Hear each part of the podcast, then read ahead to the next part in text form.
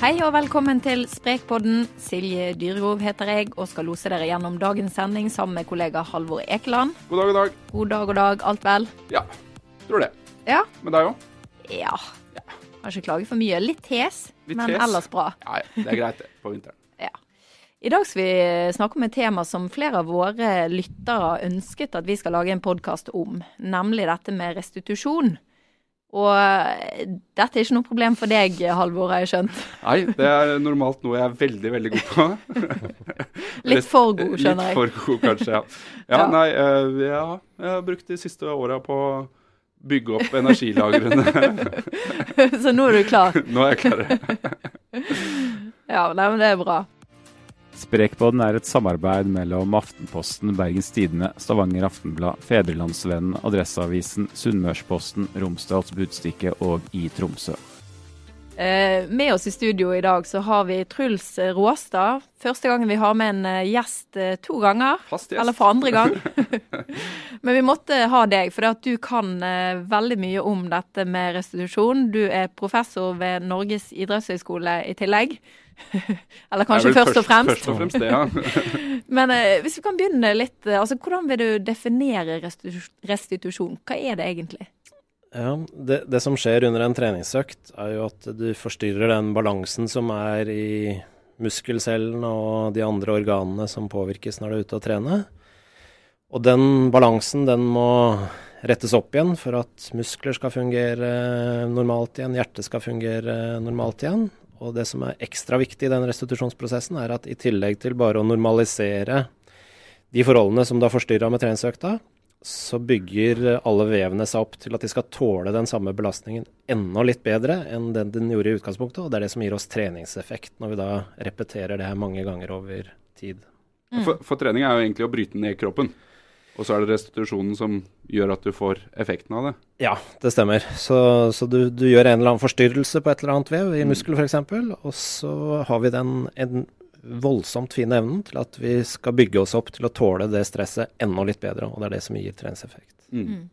Men Når, når du leser i mediene for tiden, så kan du egentlig nesten få inntrykk av at uh, folk er for dårlige til å restituere, hvis du ser på dette med rabdomyolyse og økningen i antallet der.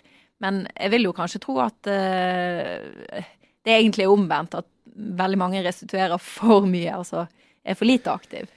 Ja, de fleste mosjonister så er det ikke noe utfordring med restitusjon, egentlig. Fordi man har såpass god tid mellom hver treningsøkt at du er fullt restituert. Og du må også huske på at hvis det går altfor lang tid etter en treningsøkt til neste treningsstimuli, så mis, begynner du å miste litt av den effekten igjen. Og de fleste mosjonister er nok i den kategorien at um, de gjerne kanskje kunne trent enda litt oftere for å øke effekten av treninga, heller enn at eh, det er for lite restitusjon. Men, men det finnes supermosjonister òg som eh, trener hver dag, i tillegg til en stressende familiesituasjon og liv ellers, som uh, sannsynligvis også har eh, litt utfordringer med restitusjon når de trener så mye. Mm. Mm. Hva er det som bestemmer hvor lang tid man eh, vil bruke på å restituere seg? Ja, det er eh, to hovedfaktorer som er viktige. Det ene er den treningsstatusen du er i når du gjennomfører en treningsøkt. Altså hvor godt vant er du akkurat til den treningsøkta. Eh, Jo bedre vant, altså jo bedre trent du er akkurat til det, jo raskere restituerer du, fordi at du tåler den, eh, det stresset under treninga mye bedre. Og det andre er hvor stort stresset av, selv, av hver enkelt treningsøkt er. Og i styrketrening så vil det være avhengig av hvor tungt du løfter, hvor mange serier du kjører på hver muskelgruppe, eh, om du tar i alt du kan hver gang, kjører serier til utmattelse osv. Det er faktorer som bestemmer hvor tung den økta blir, og hvor lang restitusjonen blir. Og ved utholdenhetstrening så er det noe av det samme. Det er hvor høy intensitet du har f.eks. når du løper, hvor mange intervaller du kjører med høy intensitet, og totale lengden, altså hvor langt du løper eller hvor lenge du, du løper. For det er jo sånn at eh, du når du trener, eh, som jeg sa i stad, du, du bryter kroppen ned, og så er det en sånn slags graf man kan tegne seg opp. Man kan søke det opp på Google og det sikkert også. At du eh, bryter kroppen ned, og så er det spørsmålet hvor langt du bryter den ned. og Det avhenger avhengig av intensitet og lengde på treninga og sånne Ja. ting. Og så må du, jo lenger ned på den grafen du kommer, jo lengre tid må du bruke på, på å komme deg opp igjen på Ja. normalt nivå, og så få den lille kompensasjonen, sånn at du er litt høyere igjen. Men eh, da var spørsmålet som jeg skulle til, det, hva var det da, Silje? Ja, det er jeg litt usikker på, Halvor. ja, nei, eh, poenget er jo at eh, hvordan Ja, det var det jeg skulle til. Hvordan du da kan Når du har brytet ned kroppen, da, Mm. hvordan du kan sørge for at du på en måte får den kompensasjonen fortest mulig. For det er jo egentlig det vi skal prate om nå. Hvordan du sørger for at den restitusjonen er god nok. da. Mm.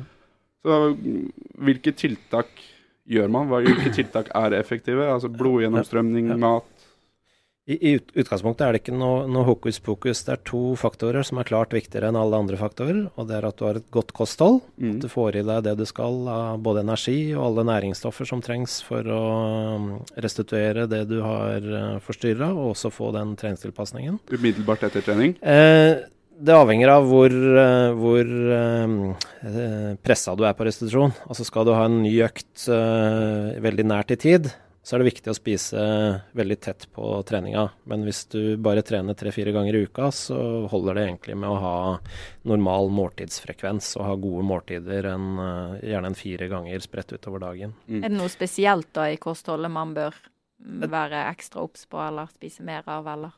Eh, Det kommer litt an på hva slags treningsform du, du, du bruker. Hvis det er veldig mye utholdenhetstrening med høy intensitet og lang varighet, så er jo energilagrene i muskelen én viktig faktor, og da er det eh, karbohydratene eh, for å bygge opp igjen glykogenlagrene i muskulaturen som er, er viktig. Mm. Og når det gjelder akkurat den eh, oppbygging av karbohydrater igjen, så ser man at um, der er tidsvindu etter trening nokså viktig. Fordi den første halvtimen og kanskje første timen etter en treningsøkt, så er muskulaturen vår mye mer mottagelig til å ta opp eh, de karbohydratene vi spiser. Så glykogenlagrene bygges opp mye raskere hvis du har et påfyll ganske tett på en utholdenhetsøkt. Mm. Du, du, du var inne i et resonnement her på Ja, Det var to ting To- som var ja, viktige. Det så så var kost, kostholdet er den ene faktoren. Og det å hvile eh, Der er det, er det andre. Uh, og, og søvn er kanskje den viktigste faktoren der. At man har eh, sover lenge nok, og at man har god kvalitet på, på søvnen. Og hva er lenge nok? Ja, det varierer også med hvor mye man trener, men typisk sier vi at en åtte timers søvn uh, er, gir, gir en veldig god restitusjon for de fleste. Men man har også sett at utøvere som trener veldig mye, kan eh, få en enda bedre restitusjon hvis de klarer å sove opp mot en ni-ti timer, faktisk. Det er vel litt individuelt også. tror jeg. Mm. Altså jeg bare tenker Når du sier åtte timer, jeg har jo aldri sjøl åtte timer. Men nå er jo ikke jeg en uh, type som trener ekstremt mye heller. sant? Jeg er jo en litt sånn vanlig mosjonist som trener kanskje to eller tre ganger i uken relativt hardt. Eh, holder det da Altså jeg har som regel syv timer. Er det nok for meg? Ja, og, og som Halvor sier, det er, det er individuelt. Altså, du, du kjenner det veldig godt hvis du, hvis du sover for lite. Altså, da er du uopplagt når du våkner, du er uopplagt litt utover dagen, og du kjenner at uh, energien er ikke helt på, på topp. Så uh, noen kan klare seg med, med seks timer fint, andre med sju. Andre må opp i åtte og ni før de føler at de er opplagt. eh. Mm. Sånn som Donald Trump er jo kjent for å sove veldig lite, uten at vi skal snakke så mye om han i den podkasten her. Det er vel ikke først og fremst det vi driver med. Men um, uh, ja, du sier det med søvn og mm, kosthold og sån, og sånne ting. Men når du har brytet kroppen ned, da.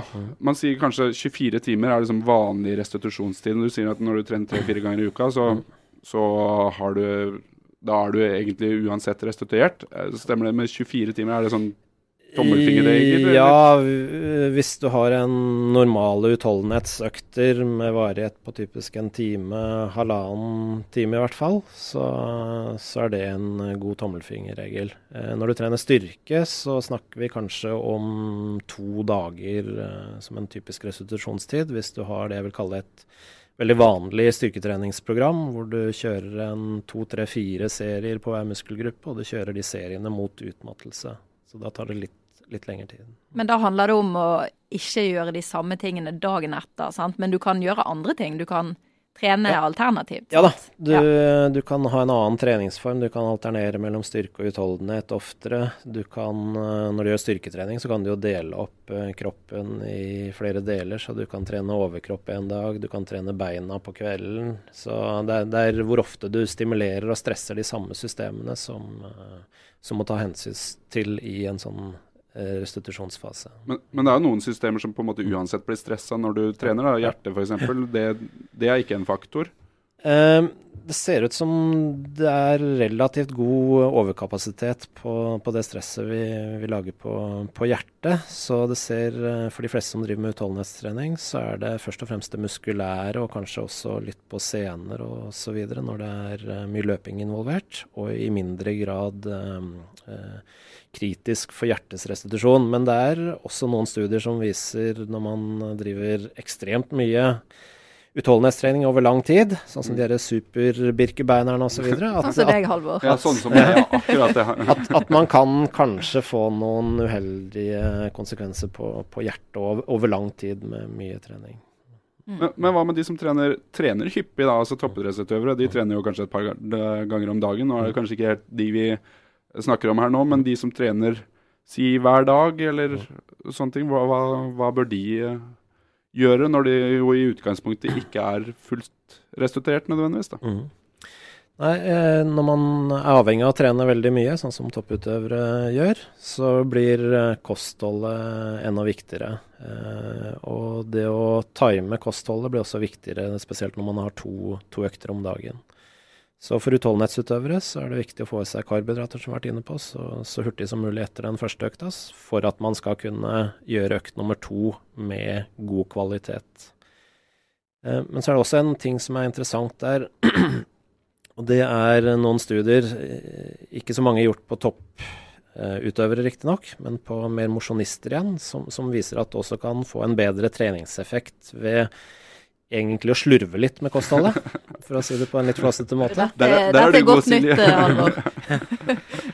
uh, og, og, og, det det går på, er rett og slett at kostholdet er også med på å styre hvor mye stress du gir muskelen når du trener. F.eks. hvis du gjør en, eh, en gitt treningsøkt, er ute og løper en time, uh, og du gjør det etter en god frokost hvor du har fylt opp energilagrene i muskel, og sammenligner det med at du går ut og løper en annen dag uten å spise frokost, altså med lite energi i muskelen, så vil den løpeturen da være et mye større stress når du hopper over frokosten.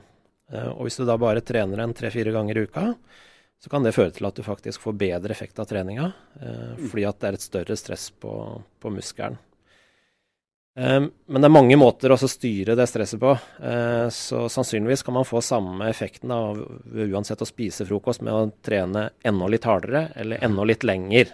Så, ja. Men det viser bare at du kan bruke kostholdet også til å påvirke hvor stort stimuli du skal få av en treningsøkt. Uh, ved å både redusere, redusere, stresset ved å spise optimalt både før og rett etter.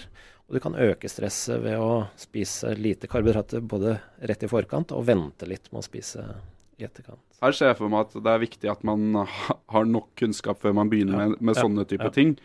Fordi i utgangspunktet så er det jo viktig å, å, få i seg nok næring ja. når du skal trene. Ja. Men, uh, så, så, så, mitt klare råd vil være at man først og fremst styrer det stresset ved, ved hvor hard trening er, og hvor lang trening er. Og at man spiser egentlig normalt. Så, så det er helt klart. As a person with a very deep voice, I'm hired all the time for advertising campaigns. But a deep voice doesn't sell B2B. And advertising on the wrong platform doesn't sell B2B either. That's why if you're a B2B marketer, you should use LinkedIn ads. LinkedIn has the targeting capabilities to help you reach the world's largest professional audience. That's right, over 70 million decision makers all in one place. All the big wigs, then medium wigs, also small wigs who are on the path to becoming big wigs. Okay, that's enough about wigs. LinkedIn ads allows you to focus on getting your B2B message to the right people. So, does that mean you should use ads on LinkedIn instead of hiring me, the man with the deepest voice in the world? Yes. Yes, it does. Get started today and see why LinkedIn is the place to be to be. We'll even give you a $100 credit on your next campaign. Go to linkedin.com slash results to claim your credit. That's linkedin.com slash results. Terms and conditions apply. Ryan Reynolds here from Mint Mobile. With the price of just about everything going up during inflation, we thought we'd bring our prices down. So to help us, we brought in a reverse auctioneer, which is apparently a thing. Mint Mobile unlimited premium wireless. Ready to get 30, 30, bit to get 30, bit to get 20, 20, 20, bit to get 20, 20, bit to get 15, 15, 15, 15 just 15 bucks a month. So, Give it a try at mintmobile.com/switch. slash $45 up front for 3 months plus taxes and fees. Promo rate for new customers for limited time. Unlimited more than 40 gigabytes per month slows. Full terms at mintmobile.com.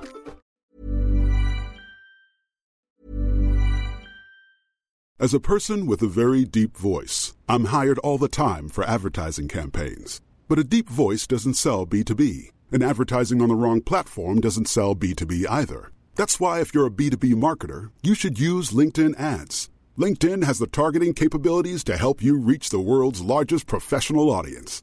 That's right, over 70 million decision makers all in one place. All the big wigs, then medium wigs, also small wigs who are on the path to becoming big wigs. Okay, that's enough about wigs. LinkedIn ads allows you to focus on getting your B2B message to the right people. So, does that mean you should use ads on LinkedIn instead of hiring me, the man with the deepest voice in the world? Yes. Yes, it does. Get started today and see why LinkedIn is the place to be to be. We'll even give you a $100 credit on your next campaign. Go to linkedin.com slash results to claim your credit. That's linkedin.com slash results. Terms and conditions apply. Botox Cosmetic, out of botulinum toxin A, FDA approved for over 20 years. So, talk to your specialist to see if Botox Cosmetic is right for you. For full prescribing information, including boxed warning, visit BotoxCosmetic.com or call 877-351-0300. Remember to ask for Botox Cosmetic by name. To see for yourself and learn more, visit BotoxCosmetic.com. That's BotoxCosmetic.com. Mitt råd. Jeg har tenkt på en ting. Eh, Det kan godt hende jeg er litt på vidden der, men uh, ofte, hvis jeg, ja, men ofte hvis jeg har trent eh, litt annerledes eller litt hardere enn jeg pleier, så blir jeg veldig støl, naturlig nok. Og så har jeg tenkt at kanskje det kan være en god pekepinn på restitusjonen. Altså hvor lenge det bør være til neste mm, økt, eller i hvert fall neste økt av samme type. Er det riktig, eller? Eh, vi ser egentlig at den eh, stølheten er en veldig dårlig markør på, på restitusjonen av både muskelfunksjon og når du har treningseffekt igjen. Du var, du, Halvor? Du var helt på vidden. Så, så som regel så restituerer muskelfunksjonen litt raskere enn en den stølhetsfølelsen. Eh, med mindre det er eh, veldig store ødeleggelser, sånn som eh, når man får rabdomyolyse f.eks. Mm. Eh, og vi ser også at man har effekt av treninga.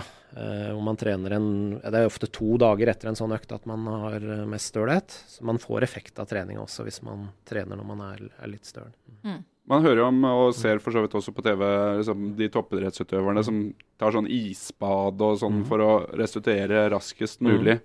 Eh, hva, hva tenker du om sånne type Ja. tiltak som er litt sånn ekstreme, riktignok, men Ja, ja det, der er det en, en viktig faktor. Fordi det er noen sånne restitusjonstiltak som ser ut til å være relativt effektive. Altså at du restituerer raskere enn du ville gjort eh, hvis du Ja. bare hvilte og, og spiste, f.eks. ja, som isbad. Som isbading. Ja, mm.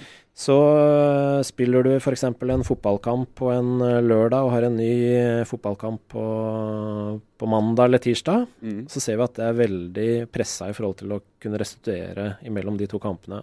Så da kan det lønne seg å ta et isbad etter den første kampen, og du er mer restituert når du da begynner den andre kampen. Sånn er det også i Tour de France, hvor du har masse ja. store påkjenninger hver dag. Men så er det mange som begynner å dra det her inn i sin normale trening. ja. Altså Hvis man trener en eh, fire-fem ganger i uka, og så begynner man med isbad eh, etter øktene der, eh, og det vi ser da, er at ja, du restituerer litt raskere da. Når du tar et kaldt bad rett etter en treningsøkt, så reduserer du egentlig det stresset du har gitt eh, muskulaturen. Og vi ser helt tydelig, spesielt når det gjelder styrketrening, at det reduserer effekten av treninga dramatisk. Eh, i en studie, Dramatisk, ja. ja. eh, Virkelig dramatisk. I en studie vi gjorde i, i samarbeid med noen i Australia, så så vi at eh, muskelveksten og styrkefremgangen ble halvert hvis Oi. du la inn et kaldt bad eh, rett etter hver eh, styrkeøkt over en tolvukersperiode. Det, det kan man vel karakterisere som dramatisk mm. nedgang. Så, sånn at det, det er forskjell på trening og, og konkurranse, Ja. rett og slett. Ja, det er egentlig bare til konkurranser, og kanskje for noen utøvere bare de viktigste konkurransene, at man må være fullt restituert, for, for da skal du prestere på ditt eh, maksimale. Mens i en treningsperiode så er det ofte sånn, legger du opp treninga sånn at du er nødvendigvis ikke fullt restituert mellom hver, hver treningsøkt, men du legger opp sånn at treningseffekten blir størst mulig. Og da er det veldig farlig å begynne å tukle med de her restitusjonstiltakene som, som reduserer den treningseffekten.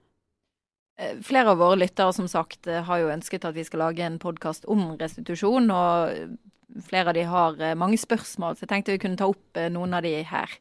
En av de lurer på om det kan fungere å trene hver dag med én dags restitusjon i uken. Hun ønsker også tips til restitusjonsøkter. Jeg vet ikke om du kan hjelpe med dette? Ja, det, det kommer litt an på hva slags aktivitet hun, hun holder på med. det ikke så mye Eh, om. Nei, men, eh, men eh, hvis du er, har hatt en periode hvor du har bygga deg opp til å tåle et, eh, et høyt treningsvolum, altså trene hver dag, så går det helt fint hvis du, hvis du legger opp de, de øktene til det du normalt er, er innenfor er og, og er vant til. Men i, i alle sånne tilfeller så er det det å lytte til kroppen egentlig som er eh, det du skal eh, stole mest på. Eh, og du kan tillate deg at en del treningsøkter kan føles tunge, altså at du typisk kjenner at du ikke er restituert fra de foregående. Men hvis det vedvarer over i hvert fall eh, flere uker, så er det et typisk tegn på at da, da gjør du litt for, uh, litt for mye. Så det gamle, gode rådet med å lytte til kroppen, det er egentlig den, den beste og egentlig den eneste gode markøren vi har for, uh, for om du restituerer nok. Ja, Der er vi tilbake til det med at trening er å bryte ned kroppen. Og hvis du da ikke får den der eh, restitusjonen, sånn at eh, kroppen henter seg inn igjen, så vil du jo bare bryte ned, bryte ned, bryte ned. bryte ned. Ja. Mm. Sånn at Og hva er konsekvensen av det? Nei, eh, altså eh, Over tid så kan det føre til eh, belastningsskader. Eh, når man har spesielt aktiviteter som løping og det som er mer belastende. Men det, det andre som kommer med, er jo at man føler seg tom for eh, energi. Eh, å gjennomføre treningsøktene føles som et ork. Eh, dagliglivet begynner å føles som et eh, ork også. Og du ser at prestasjonen din uh, istedenfor å gå opp, sånn som du håper med trening, så enten så holder den seg stabilt, eller i mange tilfeller så, så blir den faktisk gradvis eh, dårligere og dårligere. er det det som er overtrening? Ja, men det kan være mange årsaker til at man føler seg slapp og tom for energi, og at prestasjonen eh, går ned også. Så, så det er alltid lurt å, å utelukke en del sykdom osv. Uh, hvis man eh, kommer inn i sånne perioder. Du var litt inne på dette med å lytte til kroppen. En annen lytter lurer på hvorfor det er sånn at man den ene dagen kan trene og alt føles greit, og et døgn senere så føler man seg plutselig sliten. Dette kan jo alle kjenne oss ja. alle, Vi alle kjenner oss igjen i. Altså, og så lurer man på, er det noen lagere som går tomme fordi man har et liv utenom treningen og ikke får hvilt seg nok med en gang? Ja, eh, altså det som er viktig å si i hvert fall, er at dagsformen varierer eh, mye for, eh, for alle. Og det er eh, avhengig av både treninga du gjør, og alt du gjør utenom, hvor godt du sover, eh, om du brygger på noe i, i forhold til sykdom osv. Så, videre. så Så dagsformen varierer veldig for, for alle. Ehm, det som oftest har sammenheng med, med, med, med trening, og at du en dag kan føle at det går kjempebra, og neste dag føle at uh, det ikke går så bra, uh, er ofte, i hvert fall når det gjelder utholdenhetsaktivitet, at du tar i litt ekstra på de øktene hvor du kjenner deg uh, veldig på. Eh, litt høyere intensitet kanskje enn du vanligvis har, eller at du tar en litt lengre tur. Og, og da eh, reduserer du jo glykogenlagrene i muskulaturen eh, ganske betraktelig. Og så, hvis du da ikke er nøye på å spise rett etter en sånn, eh, sånn økt, så tar det lang tid. Da tar det typisk en to dager å bygge opp igjen de glykogenlagrene. Um, så hvis du da prøver deg på den samme økta dagen etterpå, så er det typisk at den går veldig mye tyngre da, fordi at du har lavt glykogen i, i utgangspunktet. Og det er det du trenger for å holde høy intensitet på treninga. Så, Mm. så det, det er nok ofte noe mange føler når det er utholdenhetstrening, i hvert fall. Mm. Utnytte de gode dagene, da. Ja, liksom mange kan jo kjenne seg igjen i dette med at man er sliten og trøtt og egentlig kanskje ikke har lyst til å gå på trening den dagen. Men altså gitt at man er frisk og man på en måte har spist og alt det der, bør man på en måte bare trosse det og trene likevel? Ja, altså Det er vanskelig å si noe helt bastant om det, men i utgangspunktet kan du i hvert fall si at det er helt normalt at når man trener i hvert fall en fire, fem, seks ganger i uka, at man har en del økter som man føler seg ganske tung på. Eh, Så det er helt normalt. Eh, Men det er hvis det begynner å bli mange økter på rad over litt lengre tid, at man skal begynne å tenke litt gjennom og kanskje sjekke litt ekstra om det er noe annet, eller om man trener for mye. Fordi eh, Du snakka litt om det å komme seg på trening. Altså Fra da jeg svømte, så var det noen dager hvor jeg bare virkelig ikke hadde lyst til å trene fordi jeg følte meg sliten eller hadde vondt i vilja eller et eller annet. Eh, men noen av de øktene har jo vært faktisk mine Mm. beste økter. Mm. Sånn at det å, det å lytte til kroppen, ja det, det er viktig det, men uh, lytte til hodet er kanskje ikke nødvendigvis uh, så viktig. Nei, og, og, og- det, det som du sier der, er også noe mange andre opplever. Eh, Hvordan du føler deg før en økt, stemmer ikke alltid så godt med hvordan selve økta er når du er i gang. Så det er, det er veldig ofte at man føler seg veldig sliten når man kommer til en økt. Men når du er i gang, og kanskje i hvert fall når du har kommet litt inn i økta, så kan du slå om og føle deg superbra på, på den økta. Og det er den følelsen under økta som er det du skal, eh, skal lytte til eh, i Mm. størst grad. Mm. Bra. Ja. Jeg tror tiden vår er ute, jeg. Ja. Ja. Takk til deg, eh, Truls, for at du stiller opp eh, igjen. Jo, Faste gjesten vår. Faste gjest. takk for å bli invitert. ja. Og takk eh, til deg, Halvor Ekland. Og også til deg, Silje. Ja. Vi er tilbake neste uke, vi, med mer eh, innenfor trening, kosthold, helse. Ja. Inntil da, har du spørsmål, eh, ting du ønsker å ta opp, eh, ta gjerne kontakt med oss på Facebook under Sprek. Eh, så kan det godt hende at vi tar det opp i en podkast senere. Sånn som vi har gjort i dag. Yes. Ja. Takk for oss. Takk.